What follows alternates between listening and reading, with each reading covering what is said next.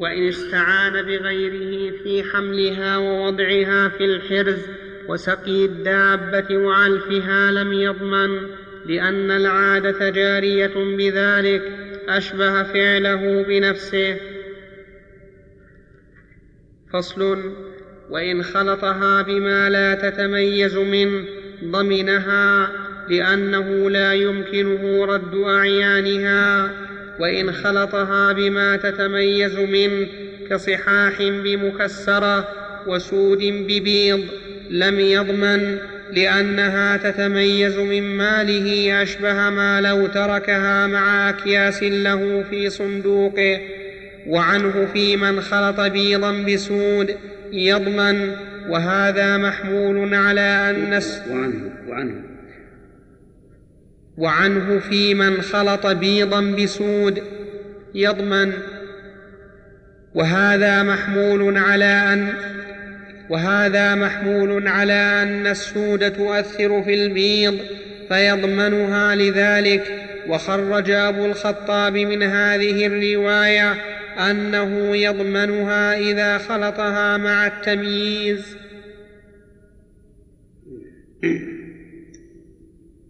وإن أودعه دراهم في كيس مشدود فحل أو خرق ما تحت الشد. لكن إذا إذا خلط سودا ببيض. يتميز الآن. البيض واضحة والسود واضح. لكن يشق عليه أن يميزها كما لو كما لو خلط حنطة برز. هو متميز. أليس كذلك؟ لكن يشق عليه بنقض الحنطة من الرز أو ما أشبه ذلك. قلنا وإن كان كذلك. يلزم بتخليص المال الذي أودع إياه لأن خلطه تعدي. فيكون حكم حكم الغاصب.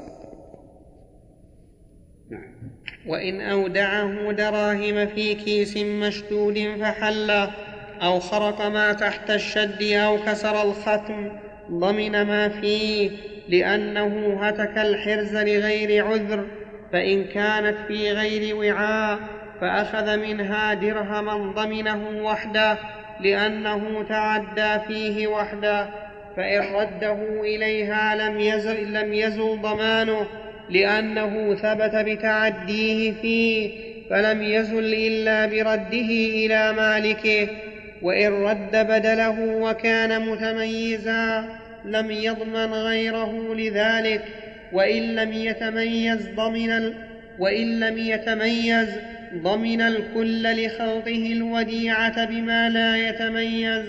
وظاهر كلام الخرقي أنه لا يضمن غيره لأنه لا يعجز عن ردها ورد ما يلزمه رده معها. ومن لزمه الضمان بتعديه وهذا كله معتمد على مال فإنه لا يجوز أن يستقرض منه ولا درهم. حتى ولي اليتيم وحتى الوكيل وحتى الوصي وحتى الناظر على الوقف لا يجوز لأحد منهم أن يأخذ شيئا.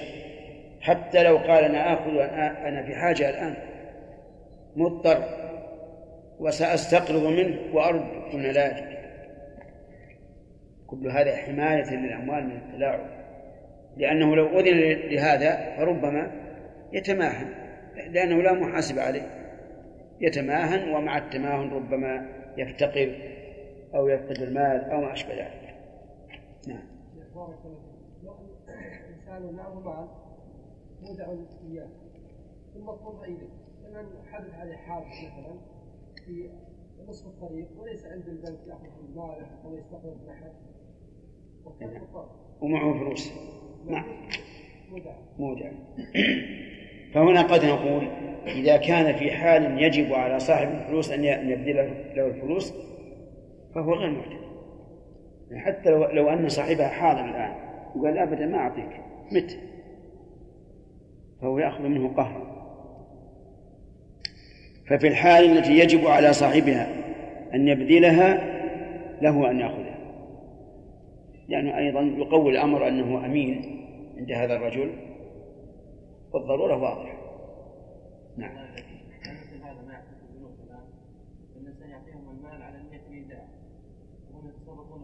نعم. لا الإنسان يعطيهم إياه على سبيل الإيداع وهو يعرف أنهم سيتصرفون فيه. و و ولهذا نقول إن تسمية ما يوضع في البنوك إيداعا غلط. بل يسمى قرضا. فإن العلماء قالوا إذا أذن المودع للمودع أن يتصرف فيما أودعه عنده فهو قرض عليه. وهذا هو الواقع بالنسبة للبنوك. نعم. ولهذا لو فرض أن البنك سرق أو احترق هل يقول صاحب البنك هذه وديعة كذبت بغير بغير تعدي ولا تفريط فلا ضمان؟ لا يطالب بها. سليم في بعض الأحيان يا شيخ إنسان يعطي إنسان دراهم. وهو عنده دراهم في البيت بنفس الحال بنفس اليوم. ولكن يحتاج في نفس وهو في نفس اليوم ذا بهالموقف. يحتاج. ولا محل الدراهم يموت لأنه يأخذ منها وهو وهو مستيقن انه يجي يستفيد وراء الدراهم ما جاء. ما يجوز. إلا للضرورة.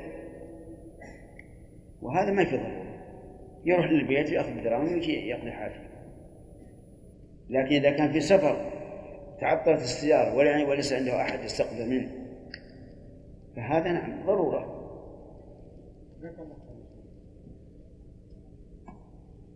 نعم. فصل. طيب. ثلاثة؟ ها؟ ومن؟ يقول المراقب إن أخذنا ثلاث أسئلة. ولم السؤال عندك بعد فقرة نعم. ومن لزمه الضمان بتعديه فترك التعدي لم يبرأ من ضمانها لأن الضمان تعلق بذمته فلم يبرأ بترك التعدي كما لو غصب شيئا من دار ثم رده إليها. وإن ردها إلى صاحبها ثم ردها صاحبها إليه برئ لأن هذا وديعة ثانية. وإن أبرأه من الضمان برئ لأن الضمان حقه فبرئ منه بإبرائه كدينه فصل. وش سؤالك؟ أي. يعني إذا أعطاك ال- ال- البنك زيادة لا ما تأخذ. كيف تأخذها وهي؟ نعم. أعوذ بالله. أليس الله يقول إن تبتم فلكم رؤوس أموالكم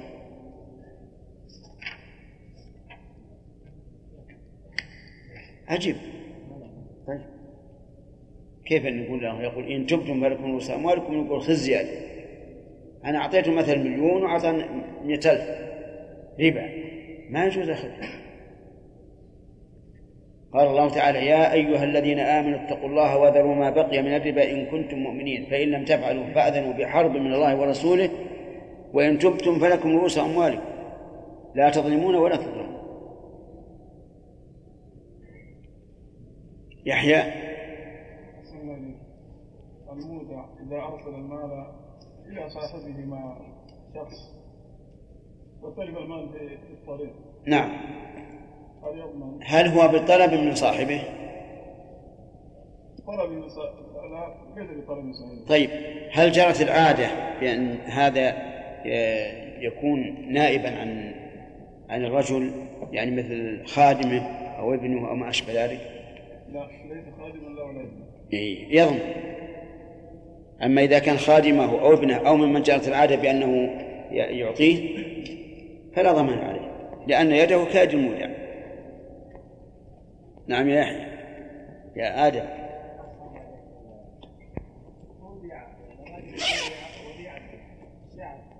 شاة؟ نعم.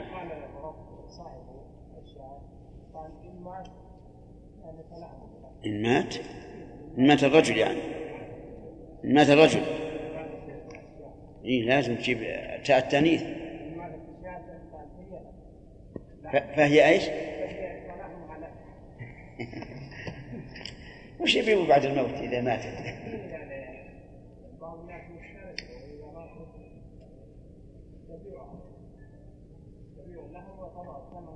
لكن كيف يقول إذا ماتت فاللحم لك وش يبي باللحم؟ وش يبي باللحم عقب بعد أن ماتت؟ ها؟ آه. يعني قال قال لهم إن أصابها الموت فذبحها وهي لك. طيب. وذبح الرجل وضاع ذبح الرجل. والله مشكلة هذه يا شيخ. الرجل ذبح الآن باع المتعة باع اللحم طيب. واشترى به شاة أخرى نعم. أي له. ما دام الرجل قال إن أصابه الموت يعني الخروف اللي عنده يخلي خروف عشان ما ضمن مؤنث ثم أصابه الموت وذبحه وباعه واشتراه واشترى بدنه فهي له. لكن لا لا ما المطالبة لكن مثل هذا الحال ما ينبغي للإنسان أن يقول هذا الكلام. إلا إذا كان المودع ثقة ثقة. ربما يقول أصابه الموت وهو كذاب. أليس كذلك؟ لكن إذا كان ثقة جدا جدا فلا بأس أن يقول إن أصابه الموت فاذبحها وهي لك. انتهى الوقت الشيخ انتهى. ها؟ لا. اي لا باقي باقي نعم عندك شيء؟ لا بس نقرأ ولا أسئلة؟ لا لا لا ما. وضعت ال- الحد. ما يخالف ما في ثلاثة ولا أربعة. يلا ها صالح ومن لزم الضمان بتعديه فترك فترك التعدي لم يبلغ الضمان نعم. ها. يعني إنسان أودع وديعة وأخذ منها دراهم استقرضها ثم رد الدراهم. زال التعدي ولا ما زال؟ لكن ما يبرأ من الضمان لأن الدراهم التي أخذها ردها لكن لا, لا لم يبرأ من التعدي بالرد. يعني حتى لو تلفت بعد هذا بدون لو تلفت هذه بدون تعدي ولا تفريط فعليه ضمان. نعم. شيخ أحسن الله إليك. إذا إخوان ثلاثة وأربعة مشتركين في أموال وتوفى واحد منهم وكان لهم أولاد وأزواج صرف الباقي في الأموال كتصرفهم قبل موت أخيهم. هل يكون الأموال يعني أموال يتامى؟ الجزء اللي أخوهم والله ما أدري أولادهم صغار ولا كبار؟ صغار. إذا يتامى. نعم. فهنا لابد أن يأخذ ولاية من القاضي وإذا أخذ ولاية وأبقاهم شركاء مع بمنزلة أبيه فلا بأس. قد يكون هذا من مصلحته وإلا فيجب أن يفرز مال اليتامى وحده وتنفسخ الشركة. ليس لهم كل واحد في الشيء الموجود من الأموال يأكلون ويتصرفون حسب ما جاء من ما عندهم مال. ما عندهم مال في مال لكن المتوفي ما عندهم مال مع الإخوان بس يأكلون ويشربون ها يعني ماله مال هو. بس إنهم يعني عبارة عن الإنفاق عليه تفضلا منه لا إخوان مشتركين. كل واحد جاب شيء وما يشتركون. ما في حد يستقل بمال معين. إيه هذا هو الآن مثلا يفرض إنهم جابوا خبزة وهم أربعة. واحد كل واحد منهم له ربعها. إذا له مال. في شيء أحسن الله إليك. في بعض الإخوان كل على إخوان الآخرين. ها؟ كل على إخوان الآخرين ما يأتي بشيء. ها؟ واحد منهم يتاجر ويأتي بأمواله ويتاجر وكذا. وواحد منهم لا يأتي بشيء ولا عمل ولا تجارة. فهذا يكون يزوجونه ويبنونه ويجلس. إذا مات مثل هذا الشخص. لا هذا مال ليس له إلا ما أعطوه وليس شريكا.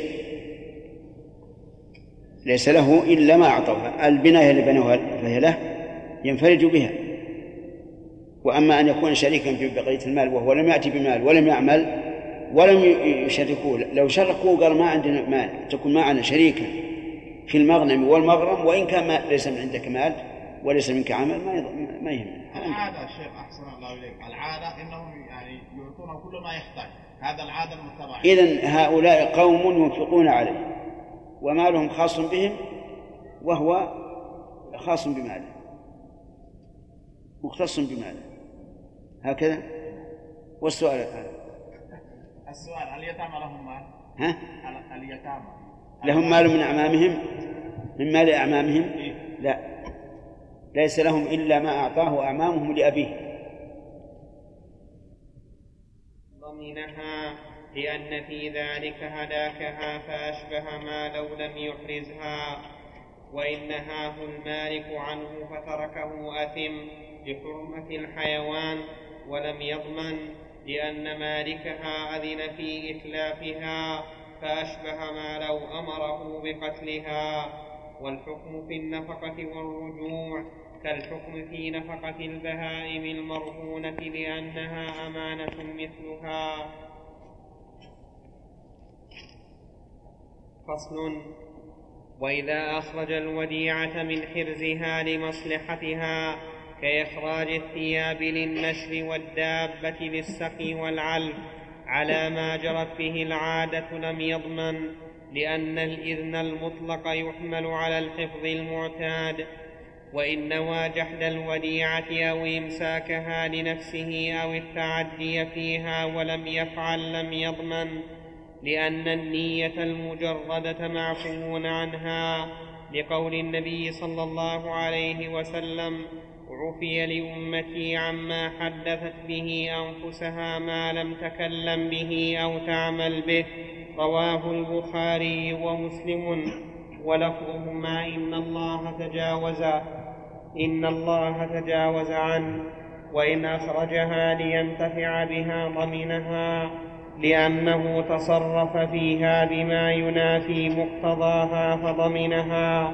كما لو أحرزها في غير حرزها وإن أخذت منه قهرا لم يضمن لأنه غير مفرط أشبه ما لو تلفت بفعل الله تعالى.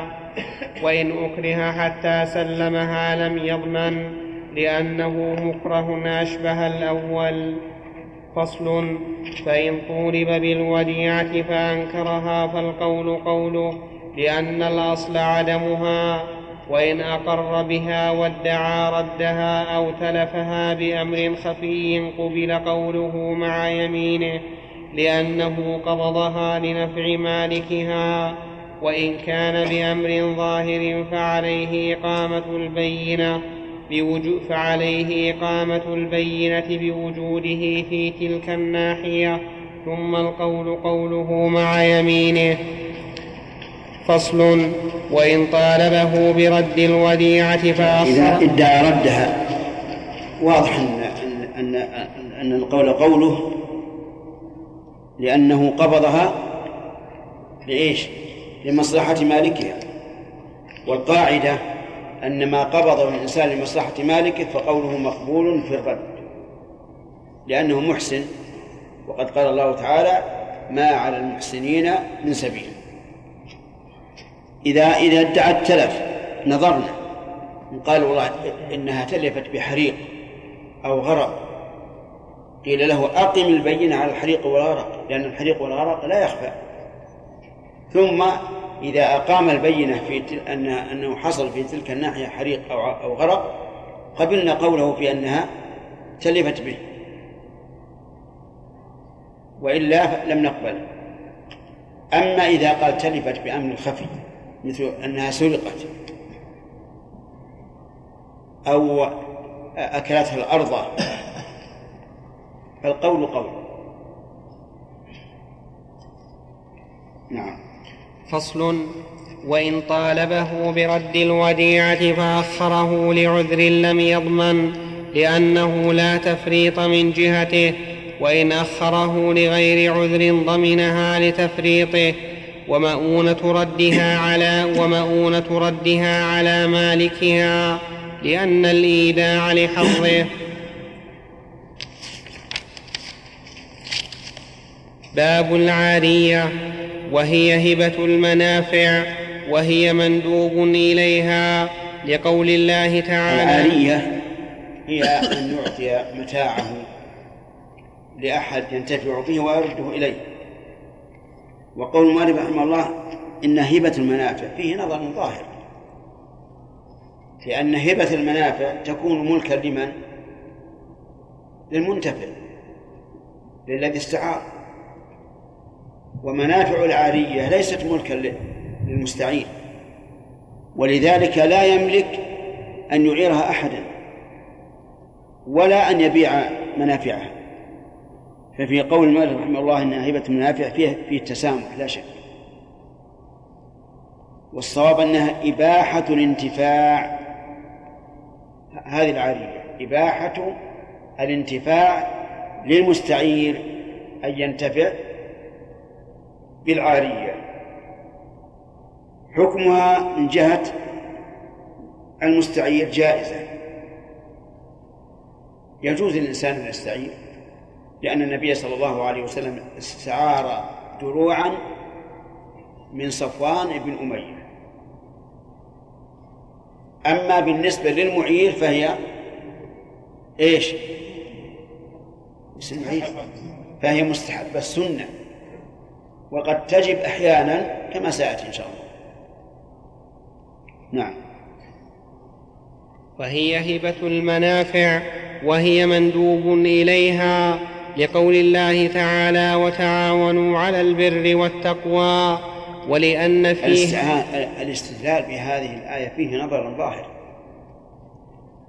والصواب أن أن يقال لقوله تعالى وأحسنوا إن الله يحب المحسنين. وذلك لأن المستعير قد لا يستعيرها لبر ولا تقوى. قد يستعيرها لغرض مباح لا يوصف بأنه بر ولا تقوى. فاستدلال المؤلف رحمه الله بالآية فيه نظر. والصواب أن يستدل بقوله تعالى وأحسنوا إن الله يحب المحسنين. نعم. لقول الله تعالى وتعاونوا على البر والتقوى ولأن فيها عونا لأخيه المسلم وقضاء حاجته والله في عون العبد ما كان العبد في عون أخيه. وتصح في كثير من الناس يروون هذا الحديث. والله في عون العبد. ما دام العبد في عون أخيه. وهذا غلط. لأن هناك فرقا بين قوله ما كان العبد في عون أخيه وما كان وما دام العبد في عون أخيه.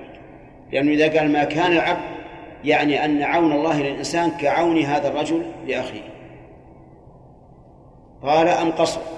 قوي أم ضعف لكن ما دام تقتضي أن الله لا يعينه إلا إذا دام ولا تقتضي أيضا أن الجزاء من جنس العمل.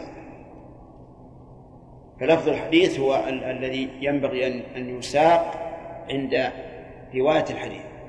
والله في عون العبد ما كان العبد في عون أخيه. وتصح في كل عين ينتفع بها مع بقاء عينها لأن النبي صلى الله عليه وسلم استعار من أبي طلحة فرسا فركبها واستعار من صفوان بن أمية أدراعا رواه أبو داود وسئل صلى الله عليه طلحة حديث أبي طلحة فالقصة أنه أنهم في المدينة سمعوا صيحة. يعني غارة على البلد. فركب النبي صلى الله عليه وسلم على هذا الفرس وهو فرس عري ليس عليه شيء على ظهره واستبرأ الخبر ولما فزع الناس وإذا برسول الله صلى الله عليه وسلم راجع راجع مستبرئ الخبر فقال لهم ارجعوا فلن تراعوا أو كلمة نحو.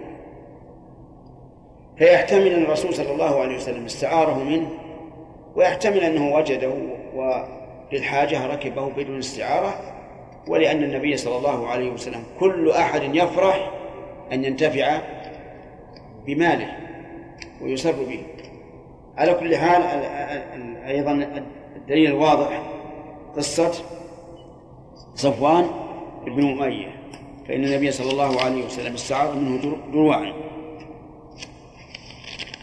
نعم. وسئل صلى الله عليه وسلم عن حق الإبل فقال إعارة دلوها وإطراق فحلها فثبت إعارة ذلك بالخبر وقسنا عليه سائر ما ينتفع به مع بقاء عينه ويجوز إعارة الفحل للضراب للخبر والكلب للصيد قياسا عليه.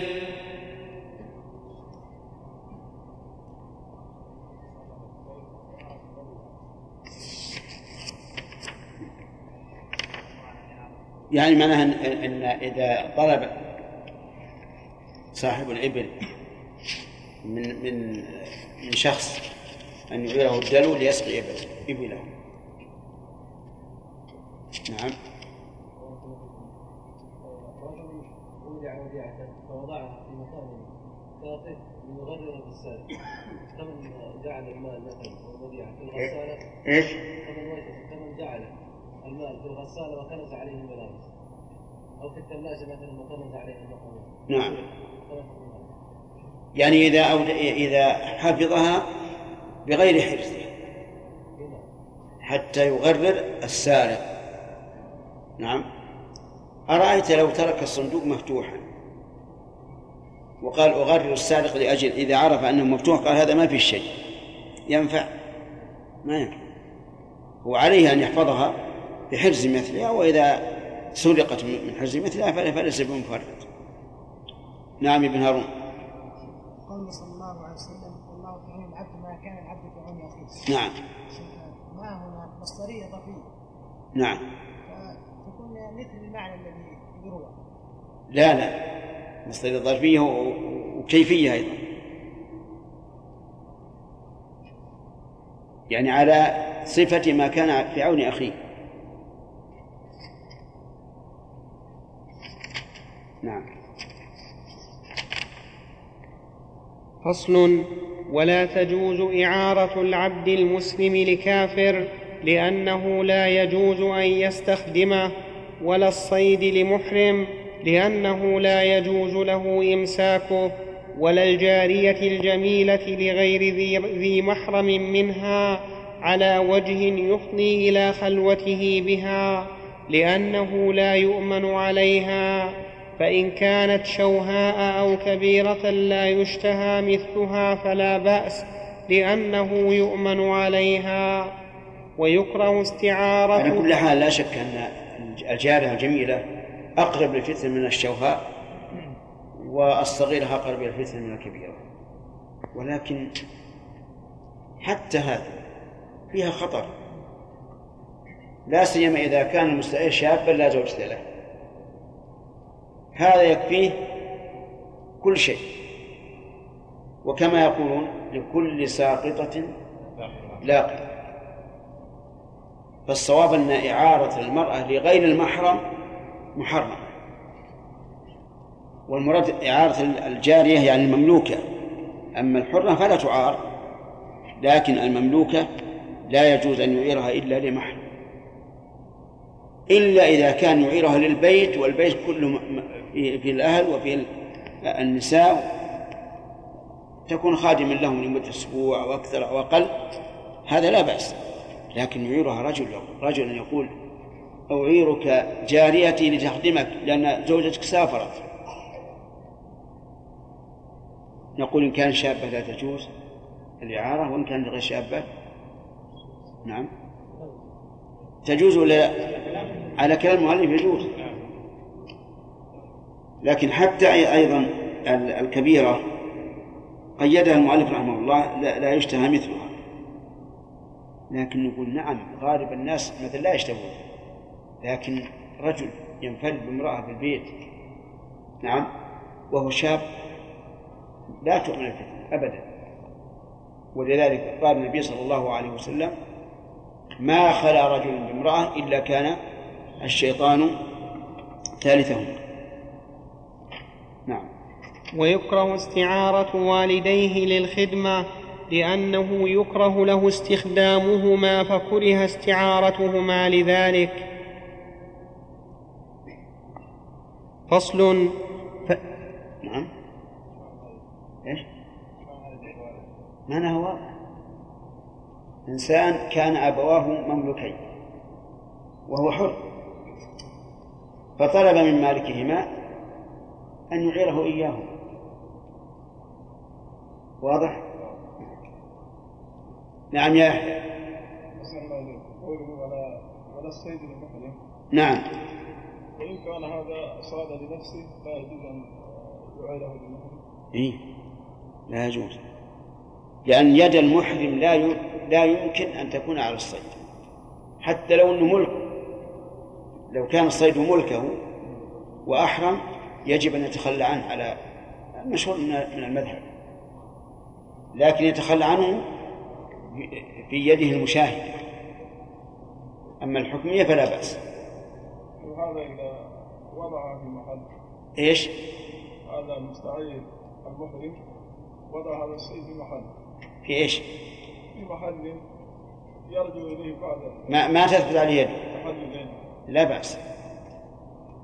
لا بأس. نعم. قلنا.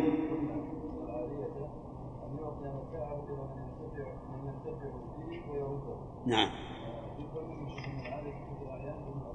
إيش؟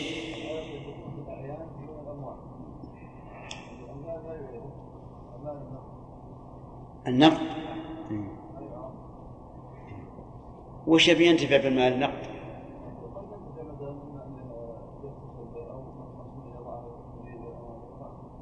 عشان يقول الناس هذا تاجر والله يمكن يصح.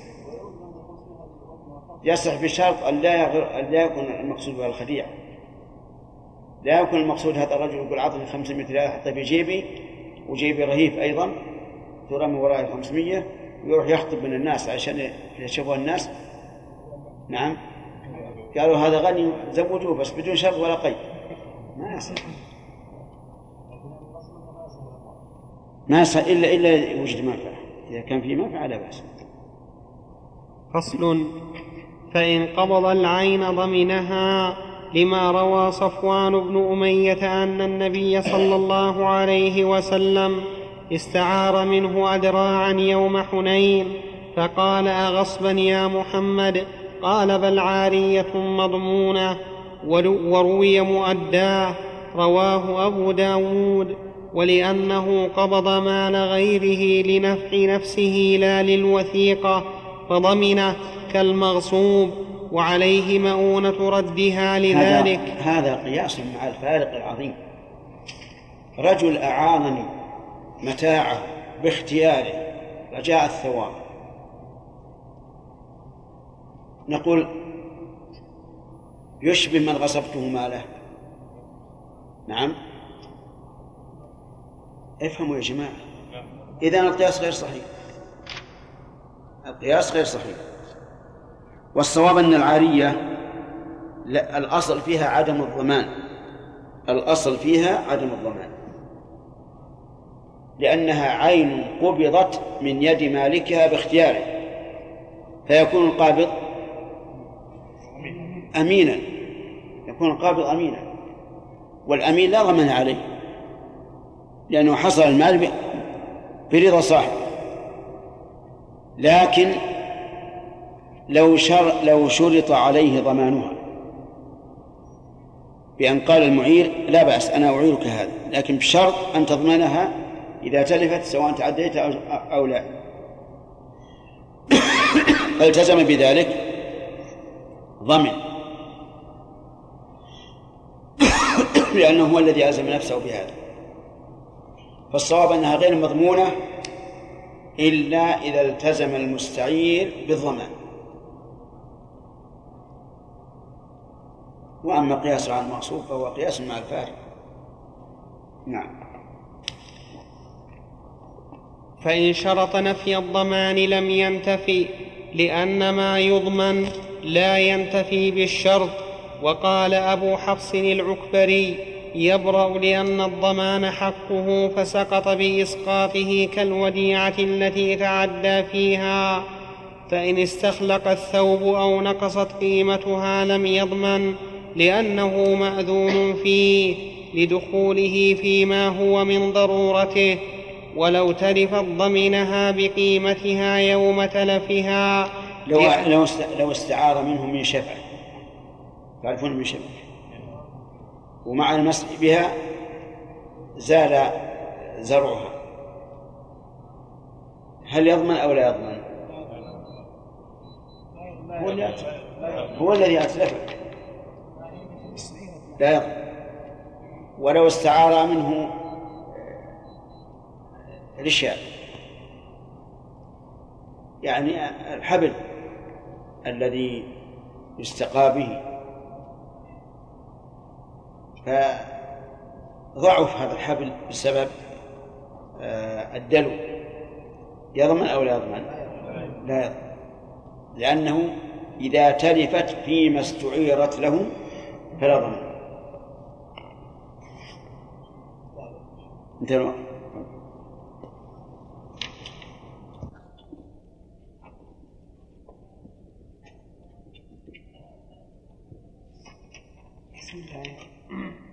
بسم الله الرحمن الرحيم. الحمد لله رب العالمين. وصلى الله وسلم وبارك على أشرف الأنبياء والمرسلين. نبينا محمد وعلى آله وأصحابه أجمعين. أما بعد فقد قال الموفق أبو محمد رحمه الله تعالى في كتاب الكافي في باب الوديعة. فإن شرط نفي الضمان لم ينتف لأن ما يضمن لا ينتفي بالشرط. وقال أبو حفص العكبري يبرأ لأن الضمان حقه فسقط بإسقاطه كالوديعة التي تعدى فيها فإن استخلق الثوب أو نقصت قيمتها لم يضمن لأنه مأذون فيه لدخوله وعلمت من القول الراجح أنه لا يضمن إلا إذا تعدى أو فرط وهذا لا إشكال فيه. وكذلك لو شرط شرط عليه آه، صاحبها أن أن يضمن وقبل فلا بأس ويضمن على أن في هذا الحكم قلق لأنه حكم مخالف لعقد لعقود الأمانات. فإن كل أمين لا ضمان عليه. لكن يجاب عن هذا بأنه هو الذي رضي لنفسه أن يضمنها. فإذا تضمن بالتعدي التفريط اشتراط الضمان. نعم. لم يضمن لأنه مأذون فيه لدخوله فيما هو من ضرورته ولو تلفت ضمنها بقيمتها يوم تلفها. لأن نقصها قبل ذلك غير مضمون بدليل أنه لو ردها لم يضمنه وإن تلفت أجزاؤها بالاستعمال كخمل المنشفة ففيه وجهان أحدهما لا يضمنه لما ذكرنا والثاني يضمنه لأنه من أجزائها فيضمنه كسائر أجزائها. وإن تلف وإن تلف ولد العارية ففيه وجهان وإن تلف ولد العارية ففيه وجهان أحدهما يضمنه لأنه تابع لما يجب ضمانه فيجب ضمانه كولد المغصوب والثاني لا يضمن لأنه لم يدخل في العارية فلم يدخل في الضمان. بخلاف المغصوبة فإن ولدها داخل في الغصب. فصل والعارية عقد جائز لكل واحد منهما فسخها لأنها إباحة فأشبهت إباحة الطعام. وعليه ردها إلى المعير أو من جرت عادته أن يجري ذلك على يديه كرد الدابة إلى سائسها فإن ردها إلى غيرهما أو دار المالك أو اسطبله لم يبرأ من الضمان لأن ما وجب رده لم يبرأ برده إلى ذلك كالمغصوب فصل ومن استعار شيئا فله لكن لو قال له إذا خلصت منها فضعها في بيتك فإنه يضمن فإنه لا يضمن.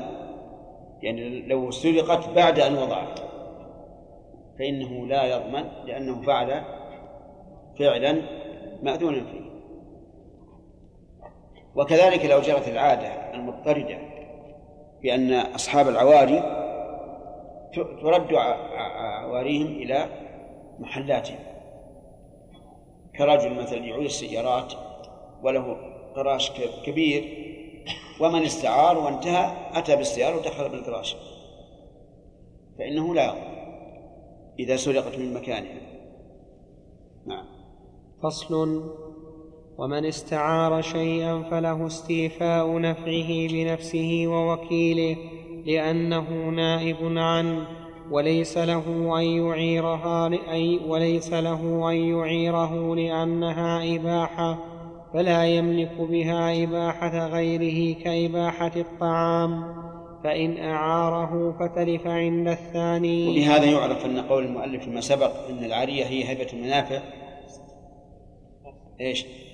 غير سديد لأن الموهوب له يتصرف كما شاء. نعم. إيش؟ أعد أعد السؤال. وضع العارية بإذن صاحبها في بيته نعم. لكنه لم يغلق الباب أو وضعها حيث يراها الناس في البيت نعم. حسب العادة. إذا كان جرت العادة أن أن الفراش لا لا يغلق الباب فهو غير مفرط نعم.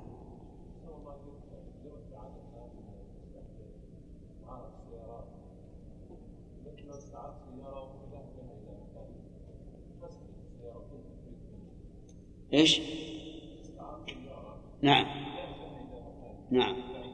طيب.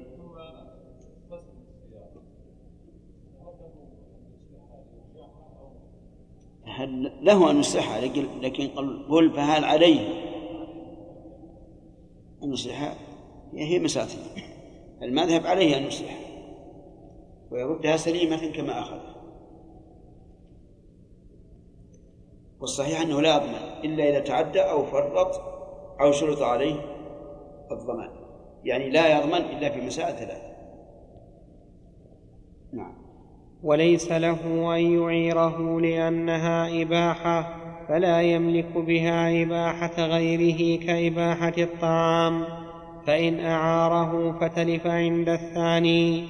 فللمالك تضمين أيهما شاء ويستقر الضمان على الثاني لأنه قبضه على أنه ضامن له وتلف في يده فاستقر الضمان عليه كالغاصب من الغاصب. فصل. وتجوز العارية مطلقة ومعينة. يقول المؤلف للمالك تضمين أيهما شاء. من الذي يشاء أن يضمنه؟ أن يضمن المستعير الأول أو المستعير الثاني. طيب ما شاء. لكن وش تظنون؟ الأول الثاني. وأنا أقول يضمن من هو أقرب إلى الوفاء. ما في شك. إذا كان المستعير الأول فقيرا أو مماطلا والثاني غني وفي. سيضمن الثاني ويقول ارجع على صاحبك لأن القرار على الأول إذا لم يعلم الثاني. طيب. وإذا كان الأول هو الغني الوفي هو الغني الوفي فسيضمن الأول ولا وحينئذ لا يرجع الأول على الثاني. لأن قرار الضمان عليه إلا إذا علم الثاني أنها معارة فيكون قرار الضمان عليه. نعم. نعم. نعم. الثاني قال أنا ما عرفت شيء عرفت لا. أنا عارف اللي أعطاني السياره هذه أنت ما ما أعرف. لا اعطيتك اخذت منك ولا اعطيتك لا اعطيتك يعني يقول آه، ما تضمني ضمن صاحبك. أنا أعرف يعني مثلا أنت الآن أعرت أعرت ال- فهد وفهد أعار جنبه محمد تلفت عند محمد من تبي تضمن؟ أنا ما اعرف من تبي تضمن أنت؟ أنا أي أنا قال ما عرفت بشيء لا ما ما بعد قال اي وش من الضمن؟ أي أنا يعني تضمن فهد ولا محمد؟ على كلامك على الكلام اللي أنت إحنا فهمنا من نقول هو أنت بالخيار أنت إن شئت ضمن فهد ولا ضمن محمد؟ لا فهد هو المستعير منك. المثال إحنا قلنا فهد هو المستعير منك. انت كيف؟ محمد بيقول ما أعرف سليم أعرف فهد. هو اللي معطيه. اي نعم كذا؟ اي نعم فأنت بدل جيت لمحمد لأن محمد ما شاء الله دسم ووفي. وفهد؟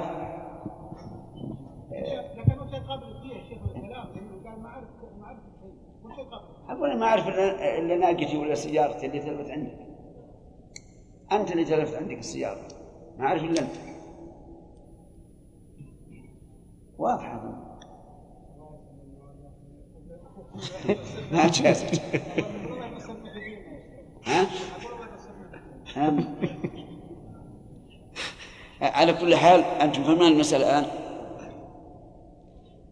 إذا استعار شيئا فليس له أن يعيره لكن لو فعل وأعار غيره وتلف عند الثاني فللأول المالك أن يضمن أيهما شاء وبالخيار.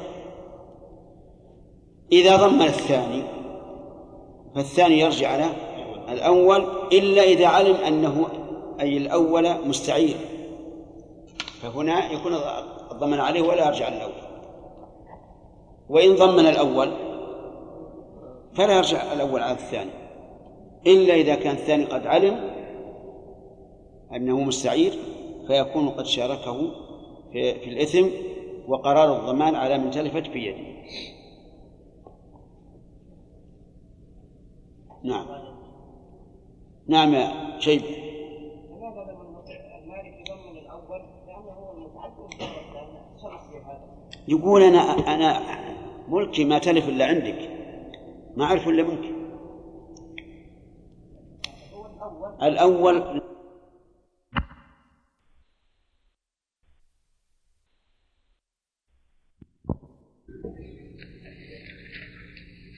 أخذنا ثلاثة يلا. ها؟ لا. الأول هو هو ال- ال- ال- المتعدد. إلا إذا علم الثاني.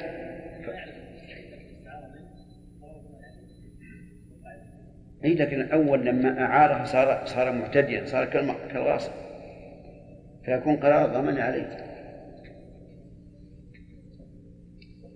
نعم. ويستقر الضمان على فصل.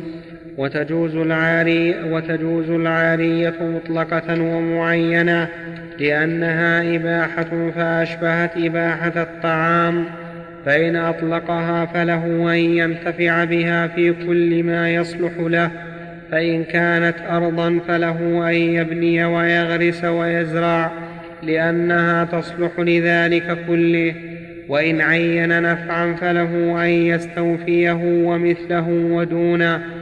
وليس له استيفاء أكثر منه على ما ذكرنا في الإجارة.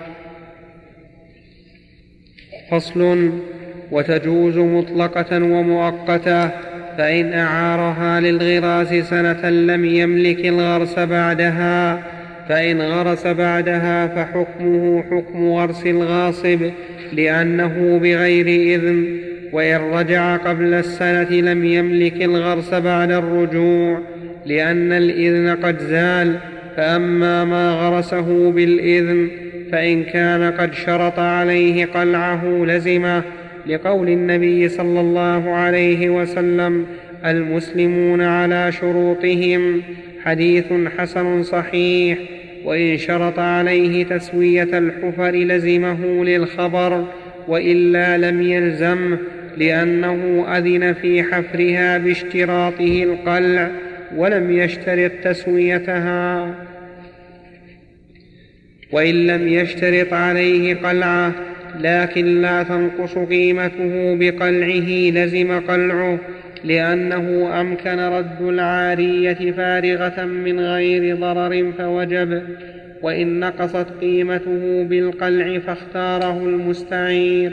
فله ذلك لأنه ملكه فملك نقله. وعليه تسوية الأرض لأن القلع باختياره لأن القلع باختياره لو امتنع منه لم يجبر عليه لأنه فعله لاستخلاص, مل لاستخلاص ملكه من ملك غيره فلزمته التسوية كالشفيع إذا أخذ غرسه وقال القاضي لا تلزمه التسوية لأن المعير دخل على هذا بإذنه في الغراس الذي لا يزول إلا بالحفر عليه. نعم. نعم. كيف؟ كالشفيع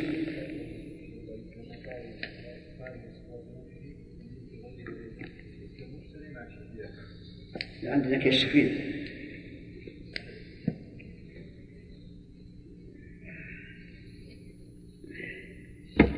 يعني الظاهر المراد بالشفيع الذي يؤخذ من الشخص بالشفعة خلاف يعني لعل هذا المراد إن لم يكن هذا مراده فالصواب النسخة الأخرى. فالمشتري مع الشفيع. وإن أبى قلعه فبذل المعير قيمته ليملكه أجبر على قبولها لأن غرسه حصل في ملك غيره بحق.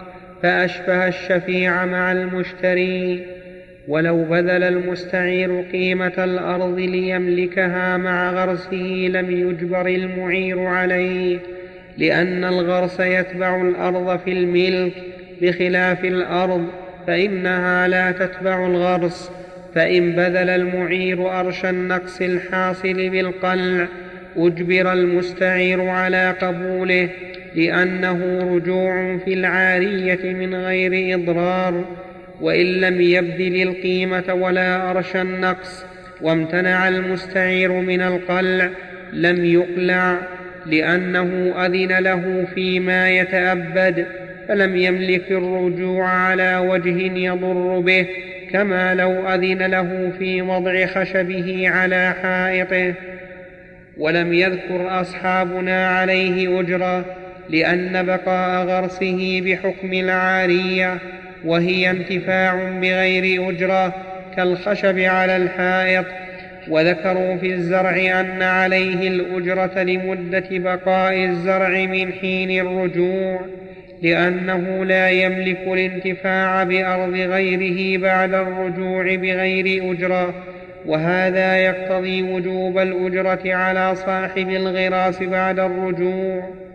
وللمعير دخول أرضه كيف شاء لأن بياضها له لا حق للمستعير فيها وللمستعير دخولها للسقي والإصلاح وأخذ الثمرة لأن الإذن في الغراس إذن فيما يعول بصلاحه وأخذ ثمره وليس له دخولها للتفرج ونحوه ولا يمنع واحد منهما من بيع ملكه لمن شاء لمن شاء لمن شاء يكون بمنزلته. ولا يمنع واحد منهما من بيع ملكه لمن شاء يكون بمنزلته لأنه ملكه على الخصوص فملك بيعه كالشخص المشفوع. فصل وإر. نعم. ما انتهى فصل وإن رجع في العارية وفي الأرض زرع مما يحصد قصيلا. حصد. قصيدا سم. وإن رجع في العارية وفي الأرض زرع مما يحصد قصيلا. حصده لأنه أمكن الرجوع من غير إضرار. وإن لم يمكن لزم المعير تركه بالأجرة إلى وقت حصاده لأنه لا يملك الرجوع على وجه يضر بالمستعير. وإن حمل السيف بذر رجل إلى أرض آخر فنبت فيها ففيه وجهان أحدهما حكمه حكم العارية لأنه بغير تفريط من ربه إلا أن عليه أجرة الأرض لأنه لا يجوز استيفاء نفع أرض إنسان بغير إذنه من غير أجرة فصار كزرع المستعير بعد رجوع المعير. والثاني حكمه حكم الغصب لأنه حصل في ملكه بغير إذنه. وقال القاضي ليس عليه أجرة لأنه حصل بغير تفريط. أشبه مبيت بهيمته في دار غيره فصل نعم كيف؟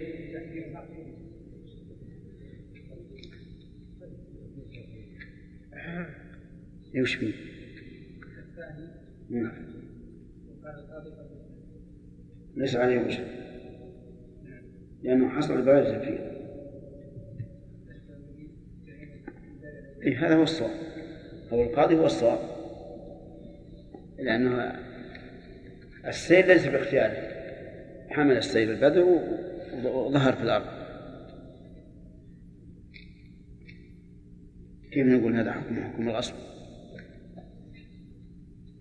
فصل وإن أعاره حائطا ليضع عليه أطراف خشبه لم يكن له الرجوع ما دام الخشب على الحائط.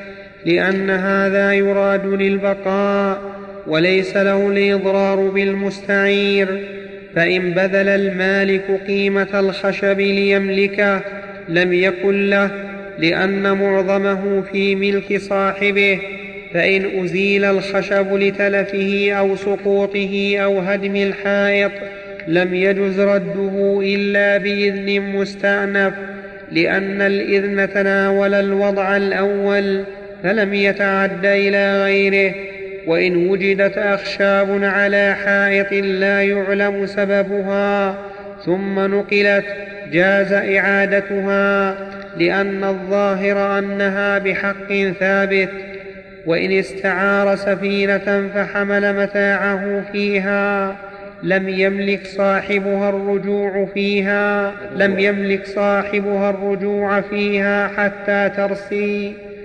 وإن أعاره أرضا للدفن لم يملك الرجوع فيها ما لم ما لم يبل ما لم يبل الميت لما ذكرناه نعم يا آدم.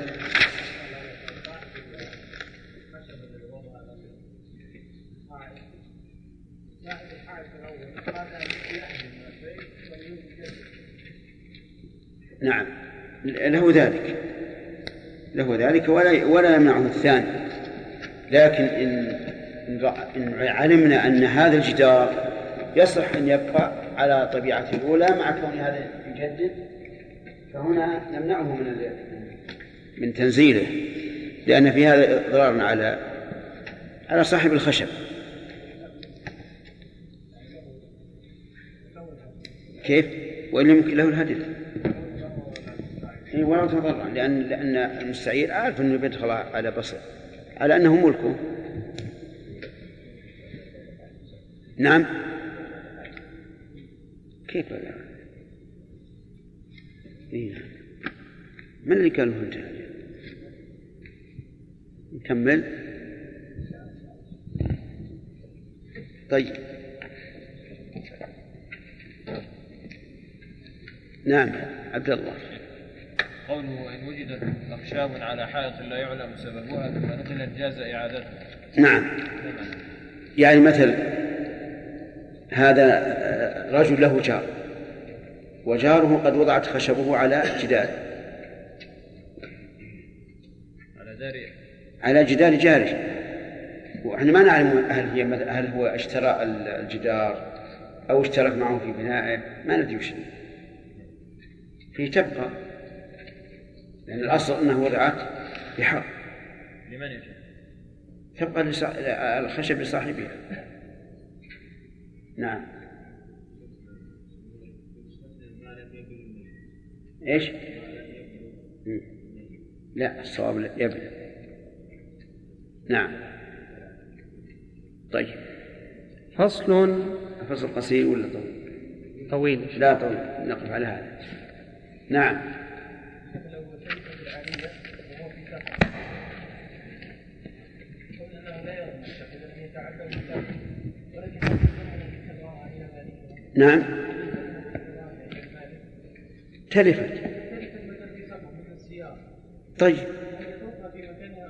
باحضارها إلى مالكها؟ إذا كان يمكن آه، أنها تسحب وينتفع بها صاحبها يجب عليه ها؟ بأجر عليه لأنه قبضها لمصلحته فعليه أن يردها إلى صاحبها. نعم. تلفت نعم. كيف؟ ففيه قاضي؟ تضمين يضمن أيهما شاء بالنسبة للاستعارة المستعير أحيانا تحصل يعني يظن المستعير الأول أن صاحب يرضى يعار المستعير كما لو كان صاحبه نعم سيارة أو كتاب لا بد أن يكون هناك إذن صريح. يعني لو أن المستعير عرف أن صاحبه هو الذي أعاره يرضى أن يعيره فلانا. فهذا لا, اليسيره لا يمكن السيرة يسامح يسامح فيها. نعم. لماذا لم نقول أن صاحب الأرض يدفع اجره الحب لمن نزل؟ قول القدر رحمه الله يحكم أنه الصواب. إي نعم. فلا يمكن أن نقول أن الذي نزل الحب في أرضه؟ نعم. يدفع اجره الحب للاخر لا لا إحنا ما ن- لسنا نقول هذا هذه مسألة ثانية لكن لا نقول إنه كالغاصب. يلزم بق- بقلعه. ولا معلوم لا بد يصطلحون على شيء. وإن استعار شيئا يرهنه مدة معلومة على دين معلوم صح لأنه نوع انتفاع. فإن أطلق الإذن من غير تعيين صح لأن العارية لا لأن العارية لا يشترط في صحتها تعيين النفع. فإن عين فخالفه فالرهن باطل لأنه رهنه بغير إذن مالكه. وإن أذن له في رهنه بمئة فرهنه بأقل منها صح لأن من أذن في شيء فقد أذن في بعضه وإن رهنه بأكثر منها بطل في الكل في أحد الوجهين لأنه مخالف أشبه ما لو خالف في الجنس. وفي الآخر يصح في المأذون ويبطل في الزائد كتفريق الصفقة. وللمعير مطالبة الراهن بفكاكه في الحال.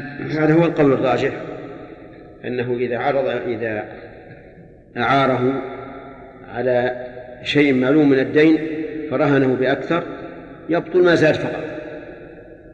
لأن المخالفة حصلت في الزائد وإلا فأصل الإعارة للرهن ثابت. نعم. وللمعير مطالبة الراهن بفكاكه في الحال سواء أجله أو أطلق لأن العارية لا تلزم. وإن حل الدين قبل فكاكه قبل وإن حل الدين قبل فكاكه قوله رحمه الله المعير مطالبة الراهن في هذا نظر لأنه إذا لأنه إذا أذن له أن يرهنه فإن فإنه يتعلق به حق شخص ثالث من هو؟ المرتهن فكيف يقال للمعير أن يطالبه بفك الرهن؟ بل نقول إنه لا لا يجوز لقول النبي صلى الله عليه وعلى آله وسلم المسلمون على شروطهم بل لقوله تعالى يا أيها الذين آمنوا أوفوا بالعقود وقال وأوفوا بالعهد إن العهد كان مسؤولا. نعم. وإن حل الدين قبل فكاكه بيع واستوفي الدين من ثمنه لأن هذا مقتضى الرهن.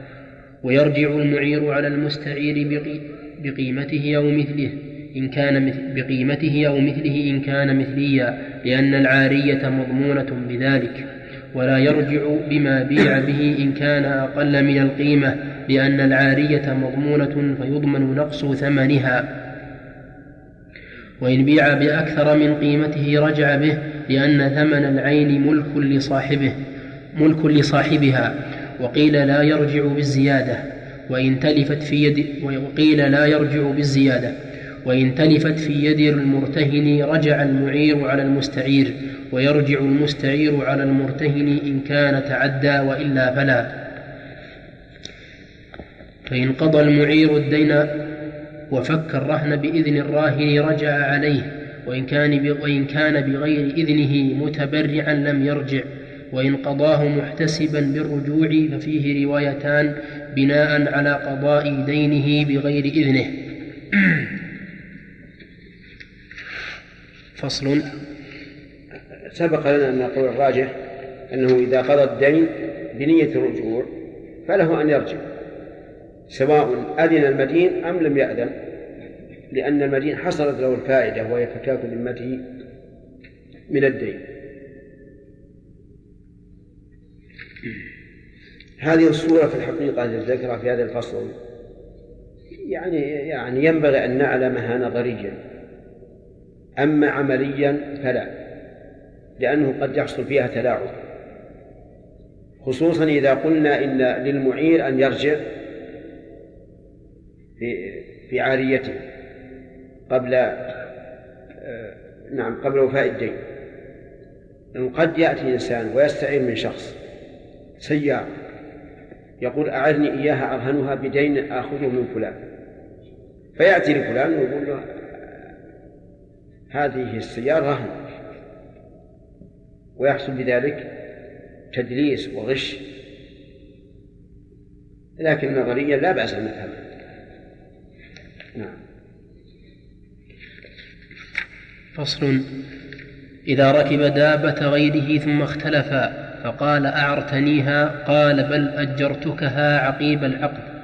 والدابة قائمة فالقول قول الراكب لأن الأصل عدم الإجارة وبراءة لأن الأصل عد لأن الأصل عدم الإجارة وبراءة ذمته من الأجرة. وإن كان بعد مضي مدة لمثلها أجرة فالقول قول المالك لأنهما اختلفا في صفة نقل ملكه إلى غيره فأشبه ما لو اختلفا في العين. فقال وهبتنيها وقال بل وقال بل بعتكها فيحلف المالك ويجب له المسمى في أحد الوجهين لأنه ادعاه وحلف عليه. والآخر تجب أجرة المثل لأنهما لو اتفقا على الإجارة واختلفا في قدر الأجرة لم يجب أكثر من لم يجب أكثر من أجرة المثل فمع الاختلاف أولى. وإن قال الصورة واضحة يعني اختلفا في عقب العقد لما قال أعرتك أو أجرتك اختلف فقال صاحب الدابة إني أجرتك. وقال الآخر بل بل أعرتني. فالقول قول من؟ قول مستعير لأن لأنه ما مضى مدة. ما مضى مدة لها لها أجرة. والأصل براءته من الأجرة. أما إذا مضى مدة لها أجرة كنصف اليوم وما أشبه ذلك فإن القول قول المالك لأن الأصل أن ملكه لا يخرج عنه إلا ببينة. نعم. وإن قال وإن قال أكريتنيها قال بل أعرتكها بعد قال بل أعرتكها بعد تلفها أو قبله. القول قول المالك مع يمينه لأنهما اختلفا في صفة القبض والأصل فيما يقبضه الإنسان من مال غيره الضمان. لقوله عليه السلام على اليد ما أخذت حتى ترده حديث حسن. والقول قول الراكب في قدر القيمة مع يمينه وإن قال غصبتنيها قال بل أعرتنيها أو أكريتنيها فالقول قول المالك لذلك ولأن الراكب يدعي انتقال المنافع إلى ملكه بالعارية أو الكراء والمالك ينكر ذلك والأصل معه. واضح. باب الغصب. وهو استيلاء الإنسان على مال غيره بغير حق وهو محرم بالإجماع. وقد روى المؤلف رحمه الله عرف الغصب بأنه استيلاء الإنسان على مال غيره بغير حق. وهذا الحد قاصر لأنه غير مانع إذ أنه يدخل يدخل فيه ما سرق وما أخذ نهبا وما أشبه ذلك. فيجب أن يضاف إلى هذا قيد وهو قهرا يعني يأخذه غصبا عليه قهرا. هذا هو الغصب. وأما إذا أخذه على غير هذا الوجه فليس بغصب. ولكن هل يعطى أحكام الغصب أو لا فيه تفصيل معروف في بابه. نعم. وهو محرم بالإجماع. وقد روى جابر أن رسول الله صلى الله عليه وسلم قال في خطبته يوم النحر إن دماءكم وأموالكم عليكم حرام كحرمة يومكم هذا في شهركم هذا. رواه مسلم. ومن غصب شيئا لزمه رده لما روى استدل المؤلف بالقرآن والسنة لكن أولى. القرآن قال الله تعالى ولا تأكلوا أموالكم بينكم بالباطل. وقال إلا أن تكون تجارة عن تراض منكم والغصب ما في تراض.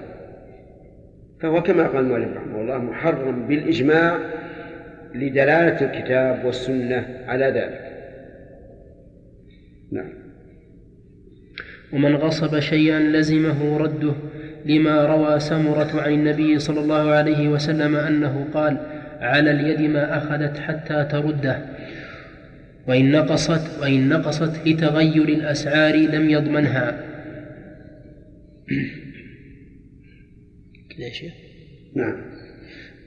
لأن لأن حق المالك في العين وهي باقية لم تتغير صفتها ولا حق له بالقيمة مع بقاء العين.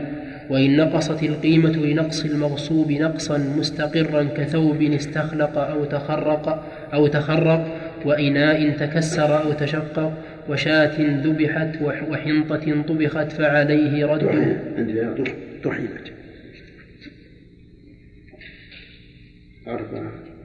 في في المرفوع طبخت. لكن طحنت أنسب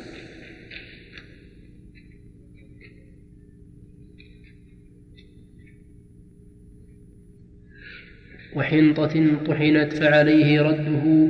فعليه رده وأرشى. وأرش. وأرش نقصه. فعليه رده وأرش نقصه وأرش نقصه لأنه لأنه نقص عين نقصت به القيمة فوجب, فوجب ضمانه كذراع من الثوب. وإن طالب المالك ببدله لم يملك ذلك لأن في هذا الفصل إذا نقص المغصوب فإن كان نقص عين أو صفة في العين فهو مضمون على الغاصب.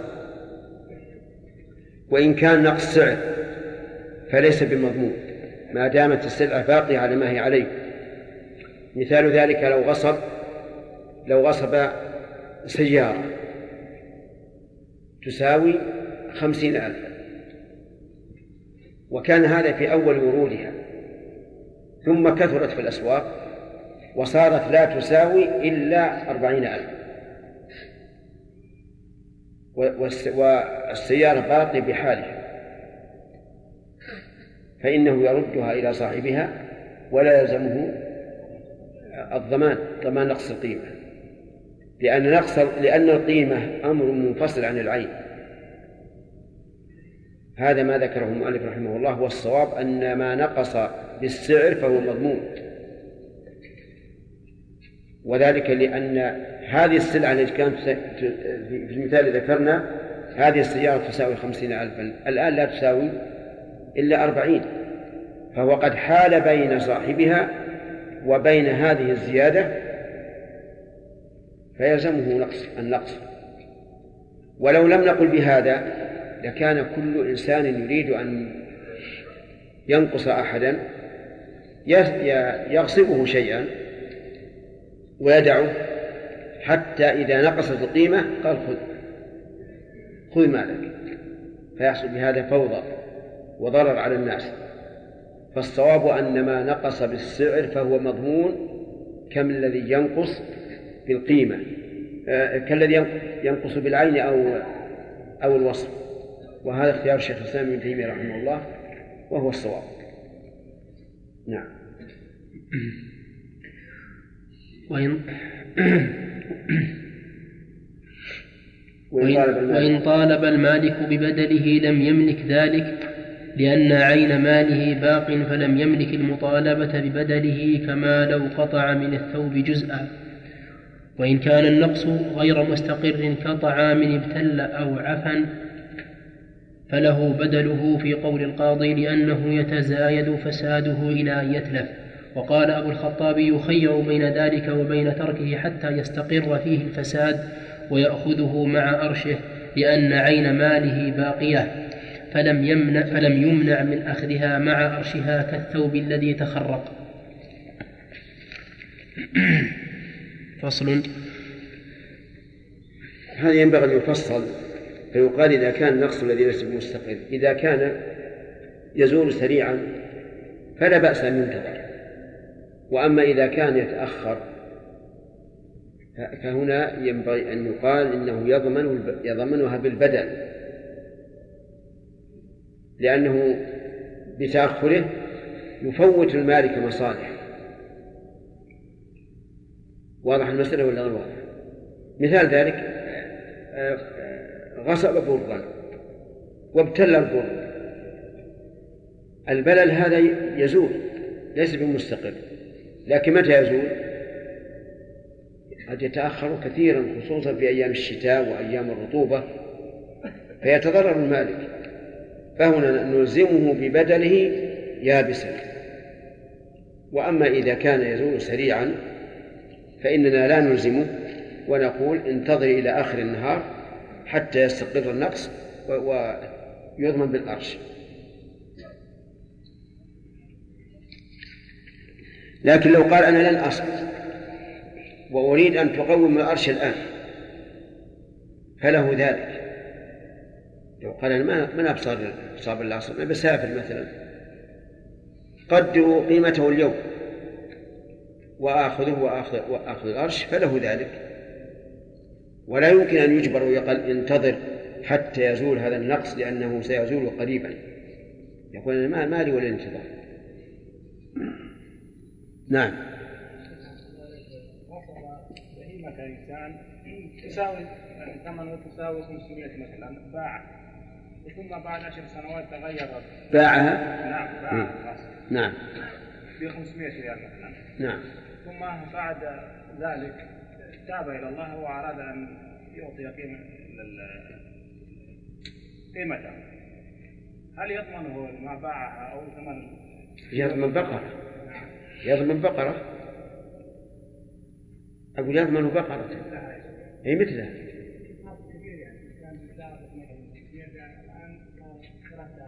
ما لأنه معتدي.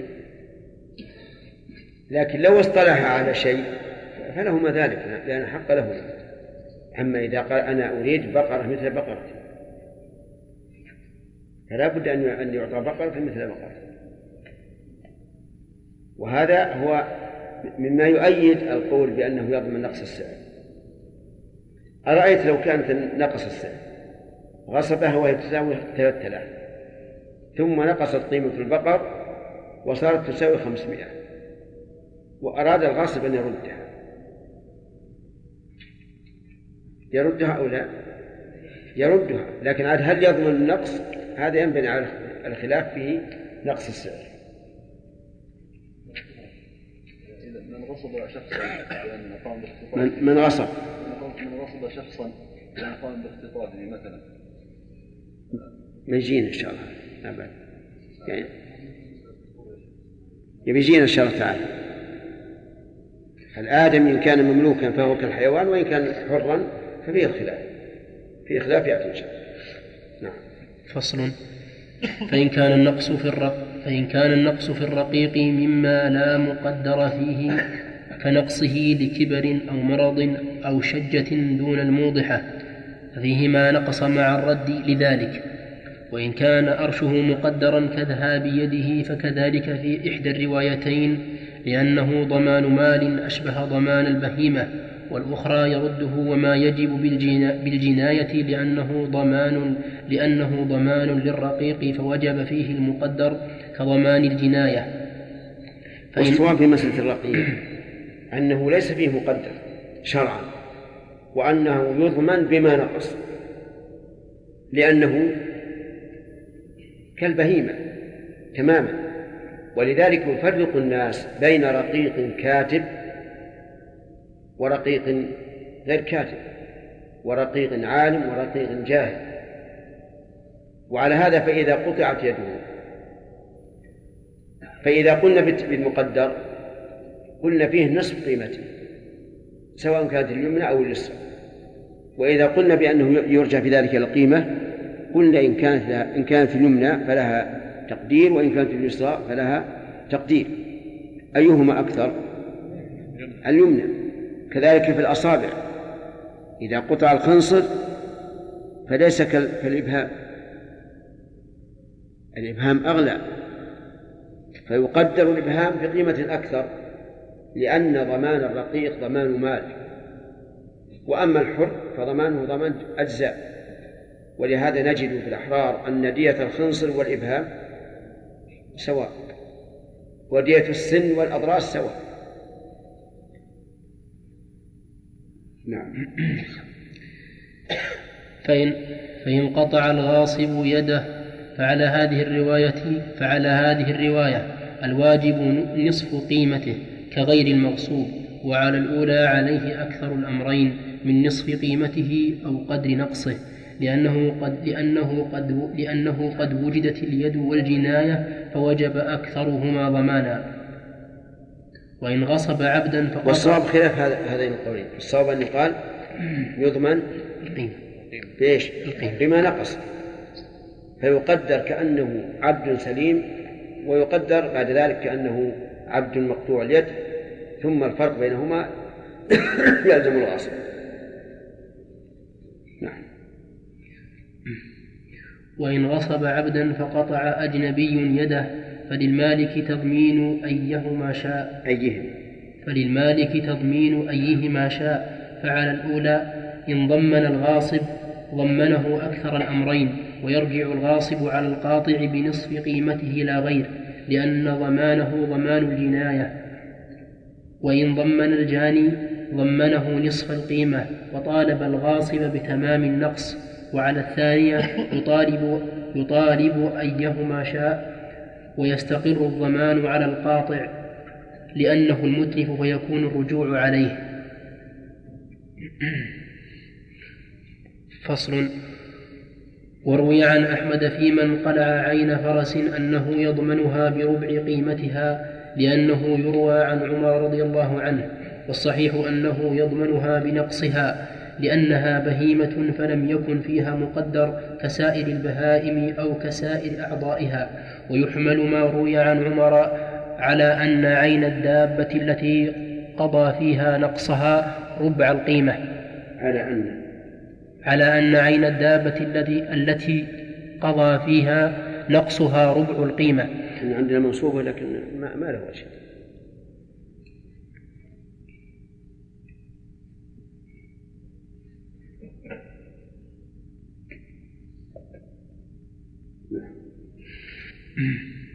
ولو غصب دابة قيمتها مئة فزادت فصارت قيمتها ألفا ثم جنى عليها جناية نق ثم جنى عليها جناية نقص نقصت نصف نقصت نصف قيمتها لزمه خمسمائة. نقصت. نقصت. عندك مشددة؟ لا لا نقصت. لأن نقص تستعمل لازم ومتعدد. قال الله تعالى ثم لم ينقصوكم شيئا. ثم جنى عليها جناية نقصت نقصت نصف قيمتها نصف, قيمتها لزمه خمسمائة لأن الواجب قيمة ما أتلف يوم التلف وقد فوت نصفها فضمن خمسمائة. فصل. فإن نقصت العين دون القيمة وكان الذاهب يضمن بمقدر كعبد خصاه وزيت أغلاه فذهب نصفه ولم تنقص قيمته. فعليه قيمة العبد ومثل ما نقص من الزيت مع ردهما لأن الواجب فيهما مقدر بذلك فإن لم يكن مقدر كعبد سمين هزل فلم تنقص قيمته لم يلزمه لم يلزمه أرش هزله لأن الواجب فيه ما نقص من القيمة ولم تنقص. فإن أغلاه عصيرا فنقص فهو كالزيت لأنه في معناه ويحتمل ألا يضمن لأن هذا. الله وسلم على رسول نبينا محمد وعلى آله وأصحابه أجمعين. قال ابن قدامة رحمه الله تعالى في كتابه الكافي في باب الغصب فصل فإن نقصت العين دون القيمة وكان الذاهب يضمن بمقدر كعبد خصاه وزيت أغلاه فذهب نصفه ولم تنقص قيمته فعليه قيمة العبد ومثل ما نقص من الزيت مع ردهما لأن الواجب فيهما مقدر بذلك فإن لم يكن فإن لم يكن مقدر. كعبد سمين هزل فلم تنقص قيمته لم يلزمه أرش هزله لأن الواجب فيه ما نقص من القيمة ولم تنقص. فإن أغلاه عصيرا فنقص فهو كالزيت لأنه في معناه ويحتمل ألا يضمن. لأن الغلي لأن الغليان عقد أجزاءه وجمعها. وأذهب مائيته فقط بخلاف الزيت فإن نقصت عينه وقيمته فعليه مثل ما نقص من العين فعليه المسألة الأولى إذا نقصت العين دون القيمة فيها نظر كخصار رقيق فإنه إذا خسر الرقيق زادت قيمته بلا شك وضمان الرقيق يجري مجرى ضمان الأموال كما لو خسر فحلا من الغنم فزادت قيمته.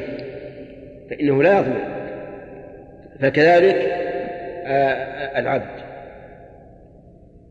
فالصواب أنه إذا خسر العبد وزادت القيمة فلا ضمان عليه. لأن لأنه يجري مجرى الأموال. ومثل الزيت.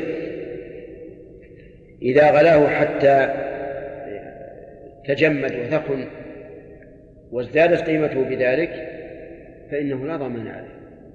لأنه زاده إيش؟ خير. زاده خيرا. وهذا الخير الذي زاده بعمل منه أي من الغاصب. نعم.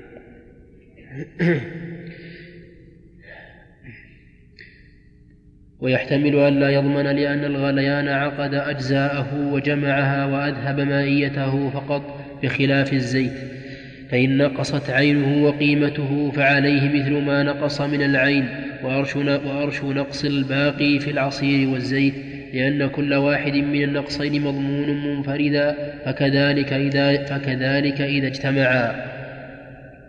والصواب في هذه المسألة أنه يضمن الأكثر من هذا أو هذا ولا يمكن أن نجمع عليه ضمانين لأنه استفاد من النقص.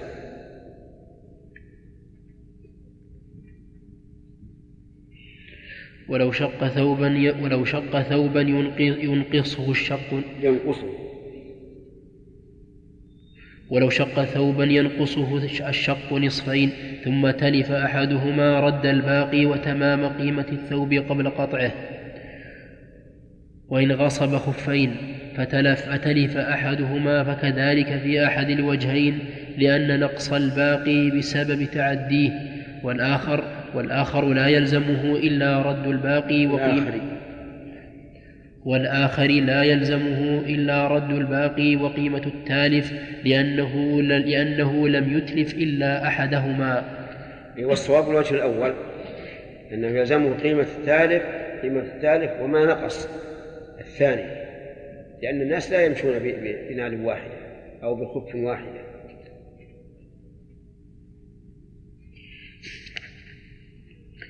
نعم.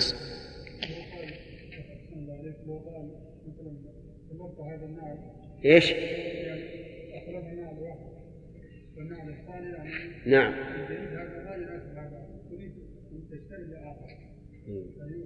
ما يمكن. لأن عين ماله باقي عين ماله في الخوف الباقي باقية. فلو ألزمناه بأن يشتري نعلا جديدا فهذا مقتضاه أننا أكرهناه على أن يبيع علينا ما لا يلزم نعم. فصل. وإن غصب عبدا فمرض أو بيضت عينه ثم برئ لم يلزمه إلا رده لأن نقصه زال فأشبه ما لو انقلعت سنه ثم عادت وإن هزل ثم سمن أو نسي صناعته ثم علمها فكذلك في أحد الوجهين لأن نقصه زال فأشبهت, فأشبهت التي قبلها. والآخر يضمن النقص لأن السن لأن السمن الثاني لأن السمن الثاني غير الأول فلا يسقط به ما وجب بزوال الأول. فعلى هذا الوجه لو سمن ثم هزل ضمنهما معا لأن الثاني غير الأول.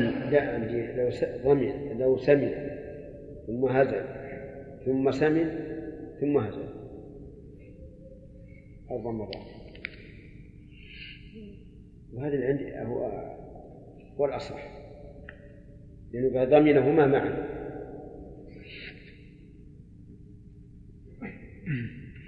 فعلى هذا الوجه لو سمن ثم هزل ثم سمن ثم هزل ضمنهما معا لأن الثاني غير الأول وعلى الوجه الأول يضمن أكثر السمنين قيمة لأن عود السمن أسقط ما قابله من الأرش. فإن كانت الزيادة الثانية من غير جنس والصحيح أنه لا يضمن إذا هزل ثم عاد فسمن فإنه لا يضمن لأن النقص الأول عوضه الغاصب وهذه البهيمة لا تسمن إلا بإيش؟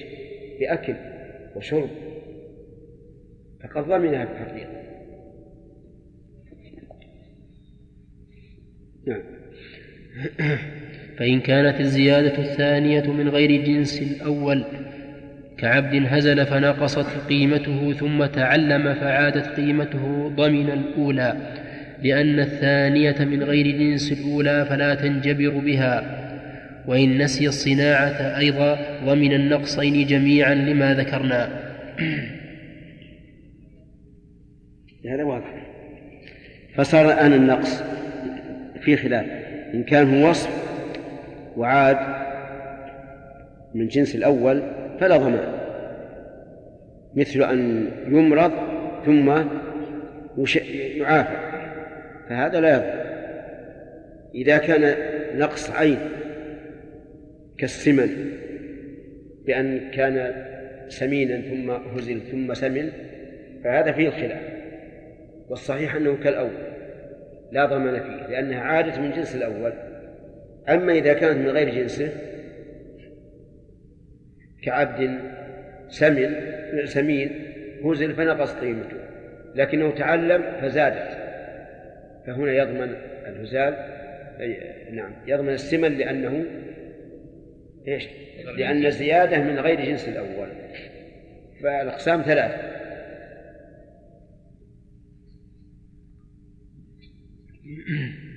فصل. فإن جنى العبد المغصوب لزم الغاصب ما يستوفى من جنايته لأنه بسبب كان في يده. وإن أقيد منه في الطرف فحكمه حكم ذهابه بفعل الله تعالى لكونه, لكونه ضمانا وجب باليد لا بالجناية. فإن القطع قصاصا ليس بجناية وإن تعلق الأرش برقبته فعليه فداؤه لأنه حق تعلق برقبته في يده فلزمه تخليصه منه. وإن جنى على سيده ضمن ضمن الغاصب جنايته لأنها من جملة جناياته فأشبه الجناية على أجنبي. فصل. وإن زاد المغصوب في يده وإن زاد المغصوب في يده كجارية سمنت أو كجارية سمنت أو ولدت أو كس أو كسبت أو شجرة أثمرت أو طالت فالزيادة للمالك فالزيادة للمالك مضمونة على الغاصب لأنها حصلت في يده بالغصب فأشبهت الأصل. وإن ألقت الولد ميتا ضمنه بقيمته يوم الوضع لو كان حيا لأنه غصب لأنه غصب بغصب الأم. وإن وإن صاد العبد هذا والجد واضح كل واضح. لأن الغاصب يعامل بأضر الأمرين لعدوانه والله عز وجل يقول ما على المحسنين من سبيل. فمفهومه أن المعتدين عليهم سبيل نعم وإن صاد العبد والجارية صيدا فهو أو أو الجارحة أو الجارحة نعم.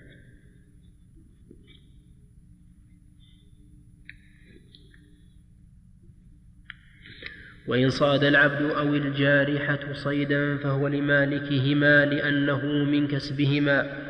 وهل تجب أجرة العبد الكاسب أو الصائد في مدة كسبه في مدة كسبه وصيده وصيده؟ فيه وجهان. أحدهما